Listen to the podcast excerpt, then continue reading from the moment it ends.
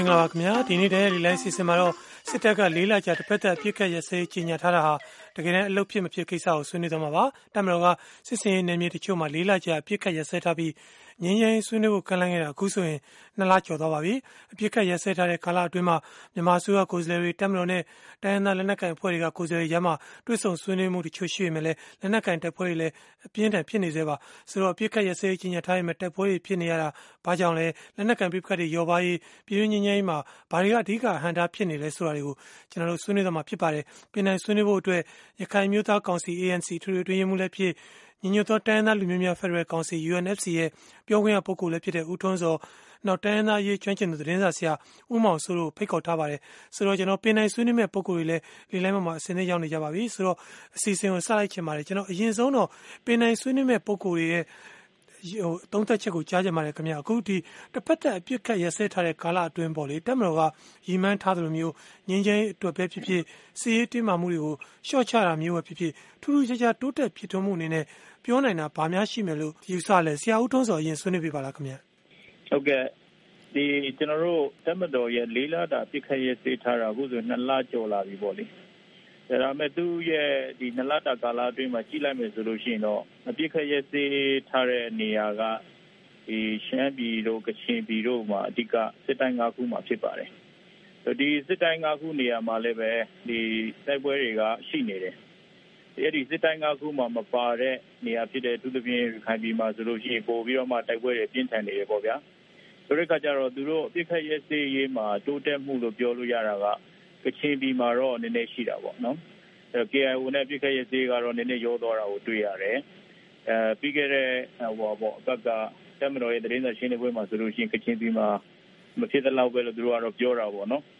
ဒါပေမဲ့သူကတော့ဟိုဖွဲ့ကနဲ့ဟောပေါ့ဖြစ်ဒီပွဲနဲ့ဖြစ်ဆိုတဲ့ကိစ္စတွေကိုသူတို့မှတ်တမ်းတွေကိုသူတို့ရုပ်ပြတဲ့အချိန်မှာ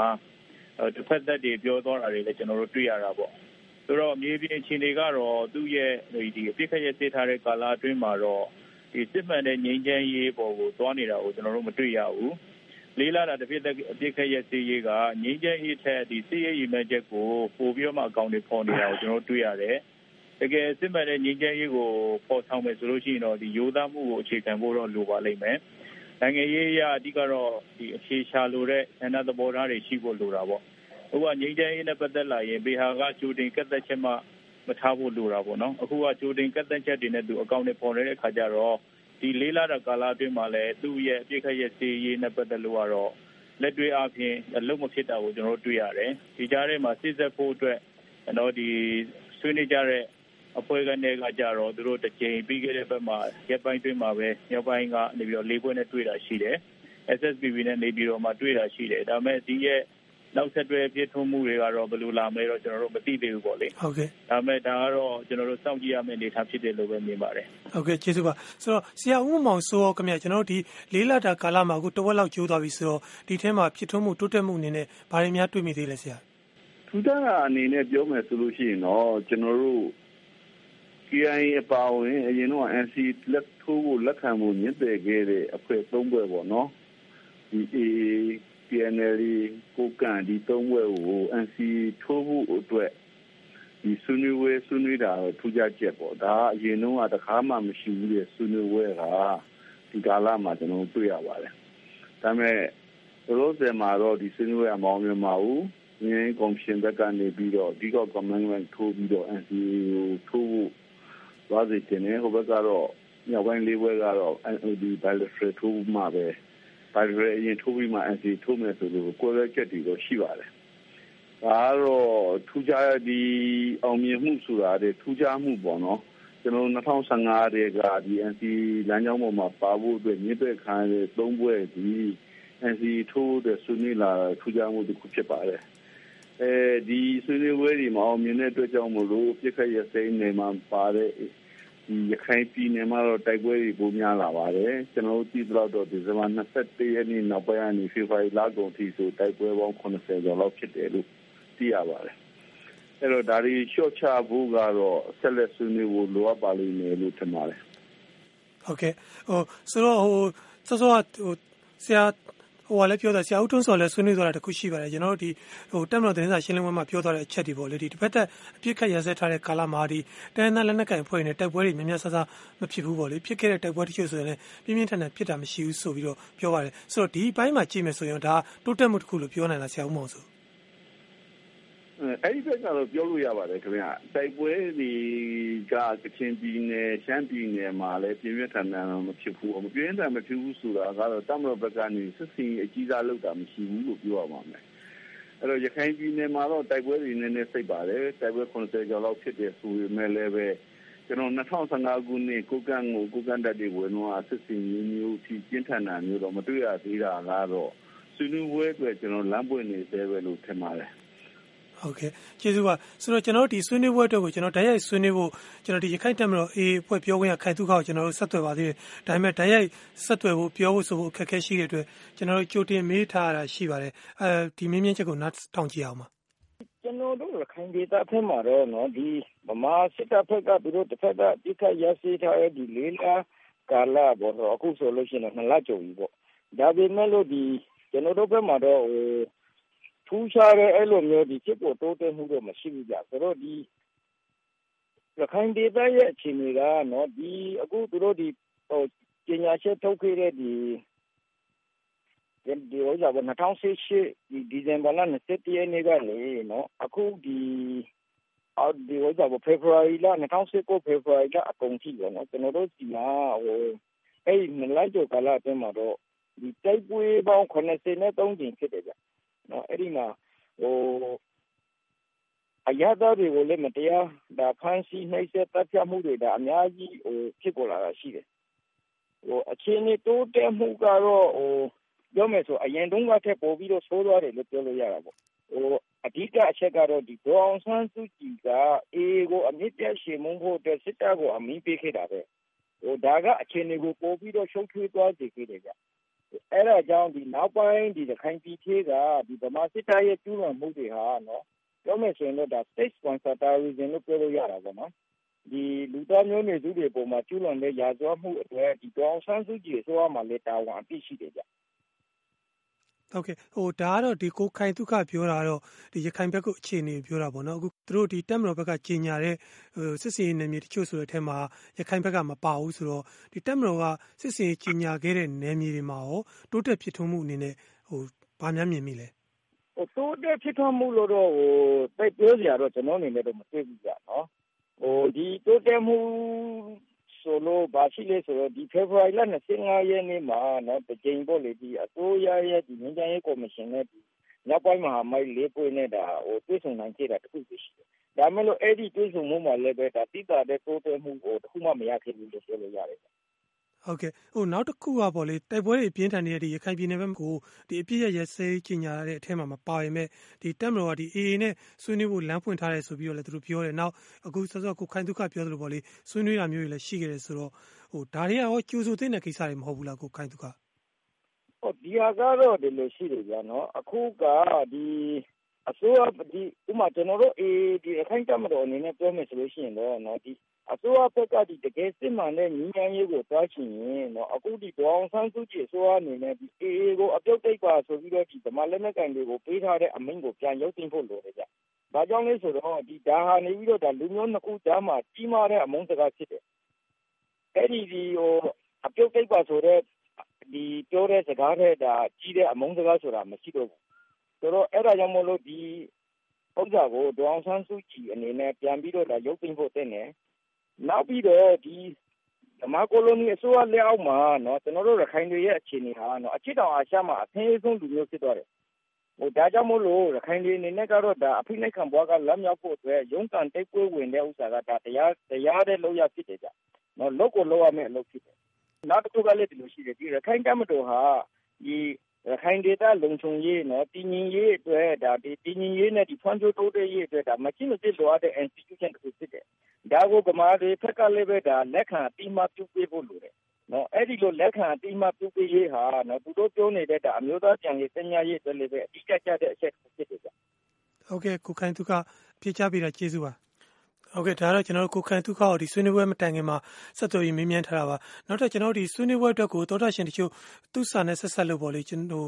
ဆက်ဆက်နေတဲ့အကြောင်းအရာဖြစ်တဲ့အတွက်ဖော်ပြကြပါတယ်တယောက်ကတော့ကျွန်တော်ကအောင်ပဒန်းမှာတဲ့ပြည်ရင်းချင်းချင်းပေါ်ဆောင်မှာစစ်တပ်ကအဟံတားဖြစ်နေပါတယ်တဲ့မြို့မင်းကဲမှာထောင်လုံးလုံးကျသလိုတိုင်းပြည်ကြောက်တဲ့ကြောက်ဖို့လက်နှလုံးလိုစစ်တပ်ကလဲမှာအဝေးစီးထိကျသွားတော့တာပါပဲ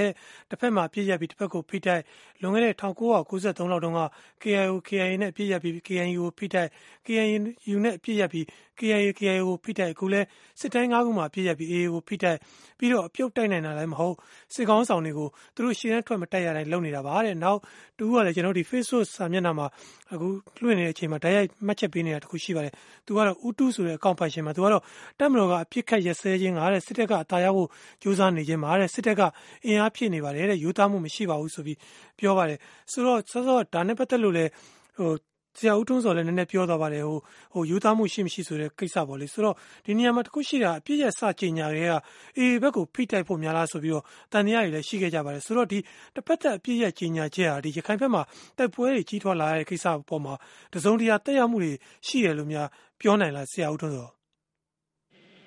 ဟုတ်ပါတယ်အဲ့ဒါတော့မှန်ပါပဲကျွန်တော်အရင်လည်းပြောမှုပါတယ်ခုနကလည်းကျွန်တော်ပြောလိုက်တယ်ပေါ့နော်ဒီတက်မတော်ရဲ့လေးလာတာတစ်ဖက်သက်အပြစ်ခတ်ရဲ့စေမှုကအဲ သူငိမ့်ချဲရေးရည်မှန်းချက်တဲ့စစ်ရေးရည်မှန်းချက်ကိုပို့ပြီးတော့မှအလေးစီးနေတယ်လို့ကျွန်တော်ဒီလည်းပြောပါတယ်အခုလည်းအဲ့ဒီတိုင်းပဲမြင်ပါတယ်အဲ့ဒီရည်မှန်းချက်ကိုပဲသူအကောင့်တွေပေါ်နေတာဖြစ်ပါတယ်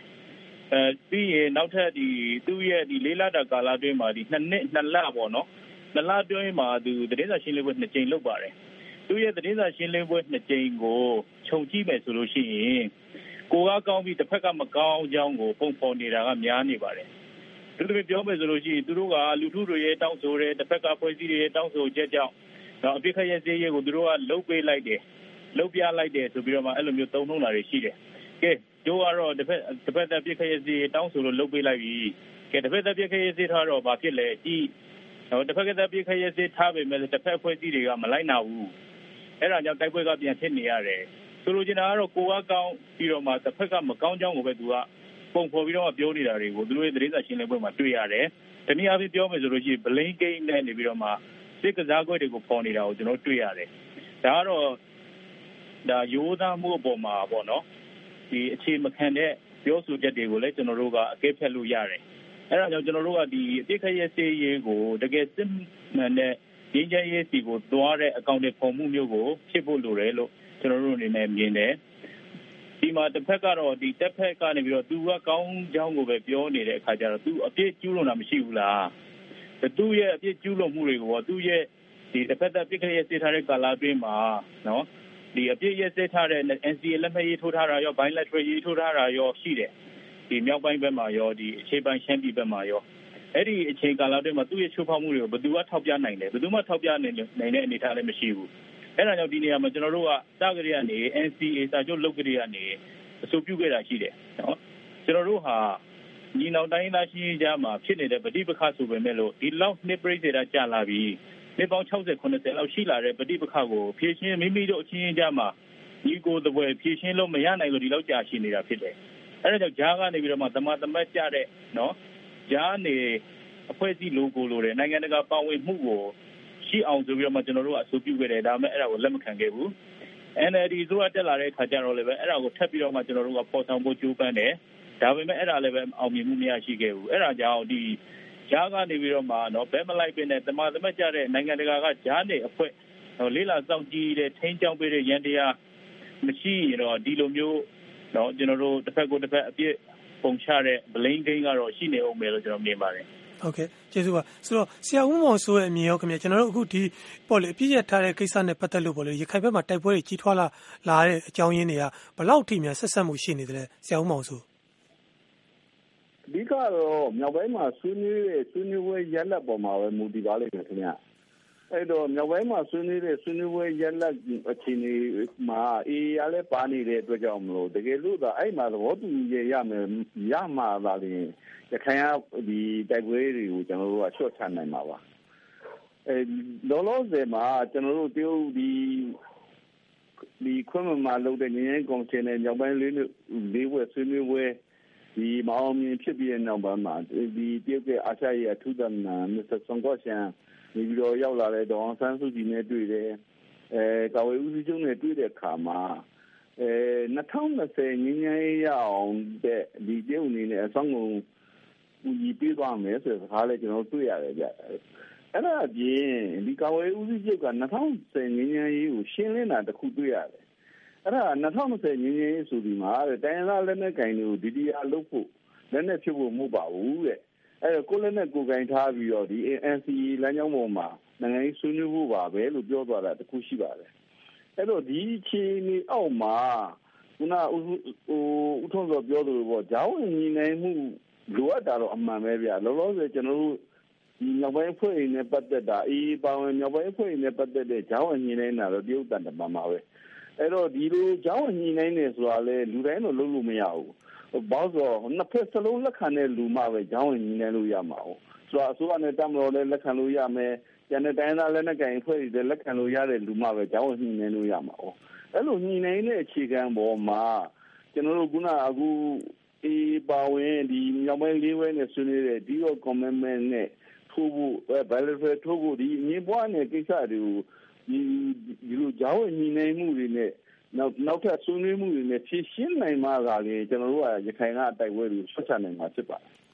ဟုတ်ကဲ့ဆရာဦးမောင်ဆိုဆွေးနွေးရကျေးဇူးပါဆိုတော့ကျွန်တော်တို့ဒီဆွေးနွေးပွဲအတွက်ကိုကိုယ်တိုင်ပါဝင်ဆွေးနွေးဖို့ကျွန်တော်တို့ဆက်သွယ်ထားတဲ့ပုံကိုယ်တွေလည်းလေလိုင်းမှာရှိနေပါတယ်အရင်ဆုံးတူကိုလက်ပေးကြပါတယ်ကိုစလိုင်းပွေကုန်းဖြစ်ပါတယ်ကိုစလိုင်းပွေကုန်းဆွေးနွေးလို့ရပါတယ်ခင်ဗျာတမတော်ကအေးအေးကိုနည်းနည်းဆွတ်တွေ့တယ်ထင်တယ်အဲ့ဒါတောင်ကိုကလေးကနီးရတော့လက်မမထိုးရဘူးသူကတော့ထိုးရနေဆိုတာကိုကလေးကကျွန်တော်တို့ကဝေဖန်ပြီးသားပဲအဲ့တော့ လက်မရေးထိုးနေဆိုရင်အလုံးရေးလက်မရေးထိုးပါလို့ဒီကိုကလေးကပြောပြောတင်တယ်အဲ့တော့လက်မထိုးမယ်ဆိုရင်တော့အခုအဲ့လိုမျိုးတိုက်ပွဲမဖြစ်သင့်ပါဘူးအဲ့တော့ဒီစီတဲ့ဘာလို့ပြနေလဲဆိုရင်တော့ Federal နဲ့ Democracy ကိုအခြေခံတဲ့ကိုပိုင်ပြဋ္ဌာန်းခွင့်နဲ့ကိုပိုင်အုပ်ချုပ်ခွင့်ရှိတဲ့အခြေခံဥပဒေကိုအများဆုံးရေးဆွဲပြီးတော့မှသူတို့တိုင်းရင်းသားတွေလည်းနဲ့မကင်မကင်နိုင်အောင်အရင်ဆုံးလုပ်တင်ပါတယ်အဲ့ဒီ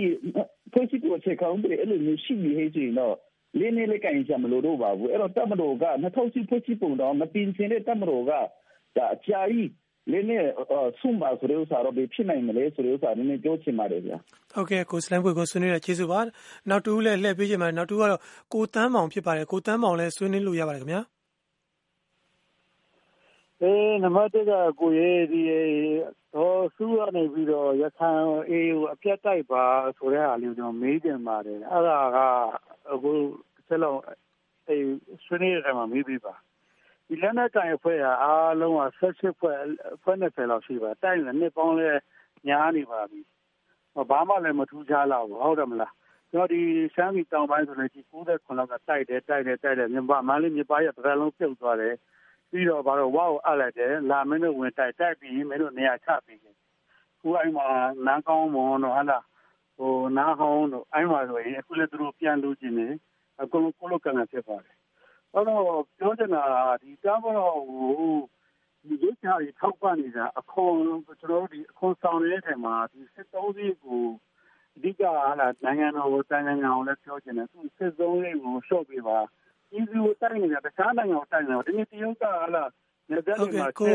ကိုကိုတမ်းမောင်နည်းနည်းဘာဘာဆိုလိုချင်လဲမသိလို့ဆိုလိုရင်းကိုကျွန်တော်အဓိကနည်းနည်းလေးကောက်စေချင်ပါတယ်ကိုတမ်းမောင်ကြီးဟိုဘေးကုန်းကဘာကိုမေးစေချင်တာလဲ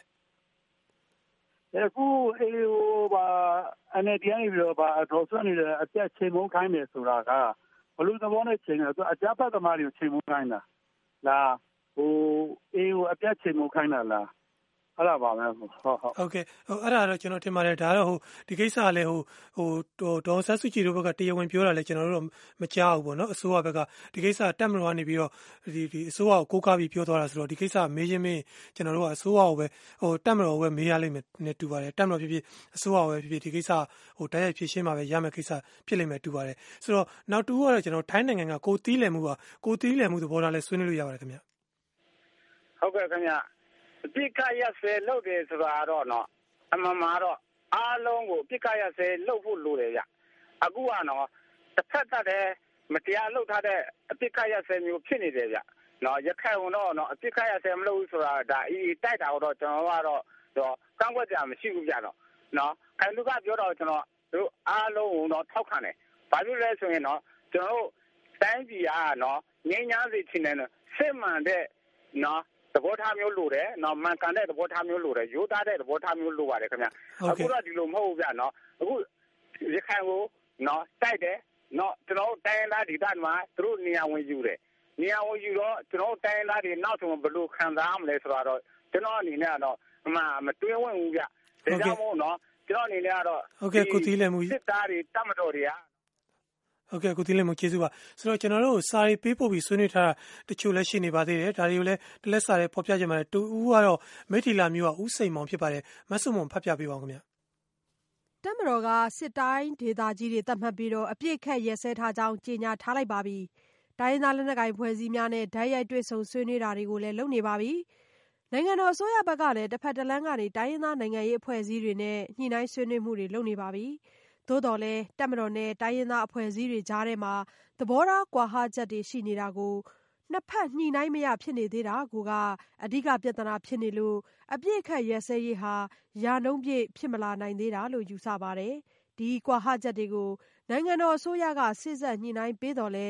2008ဖွဲ့စည်းပုံကိုကင်ပြီးတော့တပ်မတော်ဘက်က လက်ခံနိုင်ခြင်းမရှိတာကို တွေ့နေရတဲ့အတွက် အခက်အခဲ ဖြစ်နေရတယ်လို့ မြင်ပါတယ်။တိုင်းရင်းသားအဖွဲ့အစည်းတွေအပိုင်းက လိုက်ရောမှုတွေ ပြုနိုင်သမျှ ပြုခဲ့ပြီးတော့လဲအဓိက ကွာဟချက်များကို ပြေလည်စေမှု မရနိုင်ခဲ့ကြလို့ အဆုံးဖြတ်ပေးနိုင်တဲ့ ပုံကိုများပါဝင်တဲ့ဓာတ်ရိုက်ဆွေးနွေးပွဲများဟာလည်းရက်ဆိုင်ထားရတဲ့ အခြေအနေ ဖြစ်နေပါတယ်။တိုင်းရင်းသားအဖွဲ့အစည်းတွေဘက်က သဘောထားတင်းမာတဲ့ စကားတွေ ပြောလာကြရတဲ့ အဖြစ်ကို ရောက်လာရပါတယ်။ဒီလို စေ့စပ်ညှိနှိုင်းမရသေးတဲ့ ကွာဟချက်များကြောင့် နှစ်ဖက်တိုက်ပွဲတွေ ရပ်စဲသွားနိုင်ခြင်း မရှိသေးဘဲ လျော့ကျသွားတဲ့ အနေအထားမှာပဲ ရှိနေပါတယ်။ အပြစ်ခတ်ရပ်စဲထားတဲ့ကာလမှာတော့တိုင်းရင်းသားလက်နက်ကိုင်ဖွဲ့တွေ လိုက်နာဖို့ တပ်မတော်က တောင်းဆိုထားတဲ့အချက်တွေကို မလိုက်နာကြလို့ ထိတွေ့မှုတွေ ရှိလာနေရပါတယ်။တိုက်ပွဲတွေ ချုပ်ငြိမ်းပြီးတော့နှစ်ဖက်ကွာဟမှုတွေ ကျဉ်းမြောင်းချုပ်ငြိမ်းသွားဖို့ကတော့ အခြေခံလိုအပ်ချက်ဖြစ်တဲ့ ၂၀၀၈ ဖွဲ့စည်းပုံကို ပြင်ဖို့ ပြင်ဆင်ရေးကြိုးပမ်းမှု အောင်မြင်ဖို့ တပ်မတော်ရဲ့ သဘောထား ပြောင်းလဲလာဖို့တို့ဟာ အလားအလာကောင်းဖြစ်စေတဲ့ အခြေခံအချက်တွေ ဖြစ်ပါတယ်။ဒီလိုဖြစ်လာစေရန်အတွက် ပြည်သူများကလည်း တောင်းဆိုပေးကြဖို့ လိုပါလိမ့်မယ်။ အကယ်၍တပ်မတော်ဘက်က သဘောထားကြီးစွာနဲ့ စေတနာထားပြီးတော့ပြည်သူ့ဆန္ဒကို ဖြည့်ဆည်းတဲ့အနေနဲ့ ဒီကွာဟချက်တွေကို ပြေလည်အောင် ဆောင်ရွက်သင့်ပါတယ်။ Might is right သဘောထားတရားကို မသုံးဘဲ လိုက်လျောမှုတွေ လုပ်လာမှသာ ပြည်တွင်းငြိမ်းချမ်းရေး၊အမျိုးသားပြန်လည်သင့်မြတ်ရေး၊ဒီမိုကရေစီ ဖက်ဒရယ်ပြည်ထောင်စုကြီး ဖြစ်ပေါ်လာရေးတို့ကို အကောင်အထည် ပေါ်လာမှာ ဖြစ်ပါတယ်။တပ်မတော်သား စစ်ခေါင်းဆောင်ကြီးတွေများကလည်း ပြိုတိုင်းကြိုက်တဲ့ နှင်းဆီကိုင်းတွေ ပြန်လည်ဖြစ်လာကြမှာဖြစ်ကြောင်း တင်ပြပြောဆိုလိုက်ရပါတယ်ခင်ဗျာ လို့ ရေးထားပါတယ်ရှင်။ဟုတ်ကဲ့ ကျေးဇူးပါ။နောက်စာတစ်စောင်ကတော့ကျနော်တို့မောင်တသနအမေရိကန် ပြည်ထောင်စုကပါ။မအေးသန္တာကျော် ဖတ်ပေးပါဦးခင်ဗျအပြစ်ရဲ့ကြေညာထားပေမဲ့လည်း တိုက်ပွဲအရှိန်မတတ်နိုင်ကြတာဟာ အပြစ်ရဲ့စာချုပ်ပါ အချက်လက်စီးမြင်စည်းကမ်းတွေရဲ့ အားနည်းချက်တွေကြောင့် ဖြစ်နိုင်တယ်လို့နှစ်ဖက်ယုံကြည်စိတ်ချရတဲ့ အပြစ်ရဲ့လေးလာစောင့်ကြည့်ရေးအဖွဲ့ မဖွဲ့နိုင်သေးတာကြောင့်လည်း ဖြစ်နိုင်တယ်လို့ ယူဆမိပါတယ်။ ပြည်ရင်းငင်းငင်းရေးမှာအဓိကအဟံတာဖြစ်နေတာကတော့လူမျိုးရေးပေါ်မှာစောင်းပေးပြီးတော့အမုံအညိုဂလဲစားချေလိုတဲ့စိတ်တွေနဲ့ပြည်သူကိုမျက်ကွယ်ပြုပြီးတော့စီရေးအမြင်တွေနဲ့ငြိမ်းငြိမ်းရေးဆွေးနွေးနေကြလို့ပါ။အထူးသဖြင့်ဆိုရင်စစ်ကောင်းဆောင်တွေကပြည်သူတွေရွေးချယ်တင်မြှောက်လိုက်တဲ့အစိုးရကောင်းကောင်းမွန်မွန်နဲ့အုပ်ချုပ်လို့မရအောင်လို့အုပ်ချုပ်ရေးအာဏာတွေခွဲဝေယူထားတဲ့အပြင်ဖက်ဒရယ်ပြည်ထောင်စုပေါ်ထွန်းရေးအတွက်အဟန့်အတားဖြစ်နေတဲ့အခြေခံဥပဒေကိုပြင်ဆင်လို့မရအောင်လုပ်နေတာပါပဲ။ နောက်တစ်ချက်က ငြိမ်းချမ်းရေးဆွေးနွေးပွဲတွေ အောင်မြင်ဖို့ တိုင်းရင်းသားနိုင်ငံရေးပါတီတွေရဲ့ ပူးပေါင်းဆောင်ရွက်မှုတွေလည်း တစိတ်တပိုင်း ပါဝင်နေတယ်လို့ ယူဆမိပါတယ်။တိုင်းရင်းသားလက်နက်ကိုင်ခေါင်းဆောင်တွေ ငြိမ်းချမ်းရေးပေါ်မှာသံသယဖြစ်နေတဲ့အချက်ကတော့ အစိုးရနဲ့ သီးခြားဖြစ်နေတဲ့ စစ်ခေါင်းဆောင်တွေဟာ အုပ်ချုပ်ရေးအာဏာနဲ့ အခြေခံဥပဒေတခုလုံးကိုပါ ထိန်းချုပ်ထားတဲ့အတွက် ငြိမ်းချမ်းရေးဆွေးနွေးပွဲတွေ ပျက်သွားခဲ့ရင် မိမိတို့ရဲ့ နယ်မြေဒေသတွေ ဆုံးရှုံးကုန်ပြီး တပ်တွေ ပြိုကွဲသွားနိုင်တဲ့အချက်ပါ။တကယ်လို့သာ တပ်မတော်ကသာ အစိုးရအုပ်ချုပ်မှုအောက်ရောက်သွားပြီးအခြေခံဥပဒေပြင်ဆင်ရေးကိုရွေးချယ်ခံကိုယ်စားလှယ်တွေနဲ့လွတ်လွတ်လပ်လပ်ပြင်ဆင်ခွင့်ပေးမယ်ဆိုရင်တော့အစိုးရအပေါ်မှာယုံကြည်မှုတွေတိုးလာပြီးငြိမ်းချမ်းရေးခရီးအလျင်အမြန်အောင်မြင်နိုင်လိမ့်မယ်လို့ယူဆမိပါတယ်ဆိုပြီးမောင်ဒဿနအမေရိကန်ပြည်ထောင်စုကရေးထားပါတယ်ရှင်။ဟုတ်ကဲ့ဒါတော့မောင်တသနာစာပါဆိုတော့ကျွန်တော်တို့ဒီစီစဉ်ဆုံးသက်ဖို့10မိနစ်ခွဲလောက်တော့အချိန်ရပါသေးတယ်ဆိုတော့ကျွန်တော်ဆရာဦးထွန်းစောကိုပဲပြန်မေးချင်ပါတယ်ကျွန်တော်တို့အခုဒီအစီအစဉ်ရလဲကျွန်တော်တို့တစ်ဖက်သက်အပြည့်ရဲ့ ကြီးညာထားတဲ့ကိစ္စကိုအဓိကဆွေးနွေးတာဖြစ်တယ်ဆိုတော့တကယ်ဒီတစ်ဖက်သက်အပြစ်ခတ်ရစရေးလေးလအခုတက်တန်းတဝက်တော့ကျိုးသွားပြီဆိုတော့ဒါနဲ့ပတ်သက်လို့ပေါ့လေနောက်ထပ်တက်တန်းတိုးတာမျိုးဒါမှမဟုတ်နယ်မြေတိုးချက်သတ်မှတ်တာမျိုးပေါ့လေတချို့တိုက်တွန်းနေသလိုပေါ့ဟိုတက်မတော်ဘက်ကဒီနိုင်ငံလုံးအပြစ်ခတ်ရစရေးကြီးညာတာမျိုးဒီလိုမျိုးလုပ်မယ်ဆိုရင်ရောငញ្ញရေးအတွက်တစုံတရာလမ်းစာပွင့်လာနိုင်မယ်လို့ယူဆလာဆရာဟုတ်ကဲ့အဓိကအဲ့ဒါပါပဲဗျအခြေခံလိုအပ်ချက်ကတော့ဒီအစိုးရတပ်မတော်ဘက်ကတနိုင်ငံလုံးပြစ်ခတ်ရေးစေးအကြောင်းကို ကြီးညာဖို့လိုပါတယ်သူ့အနေနဲ့အဓိကတာဝန်ရှိတာဖြစ်ပါတယ်တိုင်းပြည်ရဲ့အုပ်ချုပ်ရေးရန်တရားတစ်ခုလုံးအကုန်လုံးကိုကင်ပြီးမှသူကနော်ဒီတိုင်းပြည်ရဲ့တည်ရည်မှန်းချက်တွေအကုန်လုံးကိုသူကကာကွယ်ရေးကိုအကြောင်းပြပြီးတော့မှသူပေါ်ဆောင်နေတာဖြစ်ပါတယ်ဒါပေမဲ့တစ်ဖက်မှာတော့ဒီပြည်ပနိုင်ငံတွေနဲ့တိုက်ပွဲဖြစ်နေတာတော့မရှိဘူးကိုယ်တိုင်းသားချင်းချင်းပဲတိုက်ပွဲဖြစ်နေတာဖြစ်တယ်ဆိုကိုယ်တိုင်းသားချင်းချင်းတိုက်ပွဲဖြစ်နေတဲ့တိုက်ပွဲဟူသမျှအကိုပေါ့နော် ဘယ်နေရာမှာမဆိုဖြစ်နေဖြစ်နေအားလုံးကိုရက်ပြစ်ဖို့အတွက်တနိုင်ငံလုံးပြည့်ခရဲ့စေးကိုပေါ်ဆောင်ဖို့အတွက်သူ့မှာတာဝန်ရှိတယ်လို့ကျွန်တော်အနေနဲ့မြင်ပါတယ်ဒါမှပဲကျွန်တော်တို့ရှေ့ဆက်ပြီးတော့မှတော့နိုင်ငံရေးဆွေးနွေးမှုတွေဒီမိပြီးတော့သွားလို့တဲ့နိုင်ငံရေးပြည်ပြပြောင်းလဲရေးတွေကိုသွားနိုင်မယ်လို့ကျွန်တော်မြင်ပါတယ်ဟုတ်ကဲ့ခင်ဗျဆိုတော့ကျွန်တော်အချိန်မိနစ်ဝက်လောက်တော့ရှိသေးတယ်ဆရာဦးမောင်စိုးသဘောထားလဲကြားကြပါတယ်ခင်ဗျကျွန်တော်တို့ဒီလေးလတက်တန်းငါနေပြီးတော့နောက်ထပ်ဆက်ပြီးလှမ်းနိုင်မဲ့ကိစ္စတွေဘာတွေများရှိအောင်မလဲဆရာ အဓိကတော့ဆွေးနွေးညီနိုင်မှုပါပဲဆွေးနွေးညီနိုင်မှုအောင်မြင်မှုဆိုလို့ရှိရင်အင်းနိုင်ငံရေးသဘောဝိုင်းကိုမြန်မြန်ရောက်စေခြင်းလို့ရှိရင်တော့ကိုယ်လောလောဆယ်သဘောတူညီမှုအရင်ဆုံးသဘောတူညီမှုရည်ရည်နေရာမှာတစ်ဖက်ဖက်ကနေအပေါ်စီးကရရနိုင်တဲ့အနေအထားမျိုးဖန်တီးတာကိုလျှော့မယ်ဆိုလို့ရှိရင်တော့ကျွန်တော်တို့မြန်မြန်လေးဒီကျွန်တော်တို့အကျိုးသက်ရောက်မှုရှိနေပါတယ်လောလောဆယ်မှာတော့ကျွန်တော်တို့အမြင်ကတော့အစိုးရနဲ့တမ်းတော်ဘက်ကနေပြီးတော့ ဒီကိုယ့်ရဲ့နိုင်ငံရေးအသာစီးရယူမှုကိုလျှော့ပေးမယ်ဆိုလို့ရှိရင်တော့နိုင်ငံရေးဆွေးနွေးပွဲတွေမြန်မြန်ဖြစ်ထွန်းလာလိမ့်မယ်လို့ထင်ပါတယ်ဟုတ်ကဲ့ပါဝင်ဆွေးနွေးပြတဲ့ဦးမောင်ဦးမောင်ဆိုဦးထွန်းစောကိုယ်တိုင်ပါဝင်ဆွေးနွေးတဲ့သူတွေမှတ်ချက်တွေရေးသားပေးဖို့သူတွေနဲ့တော်တာရှင်တွေအားလုံးကိုအထူးကျေးဇူးတင်ပါတယ်ခင်ဗျာ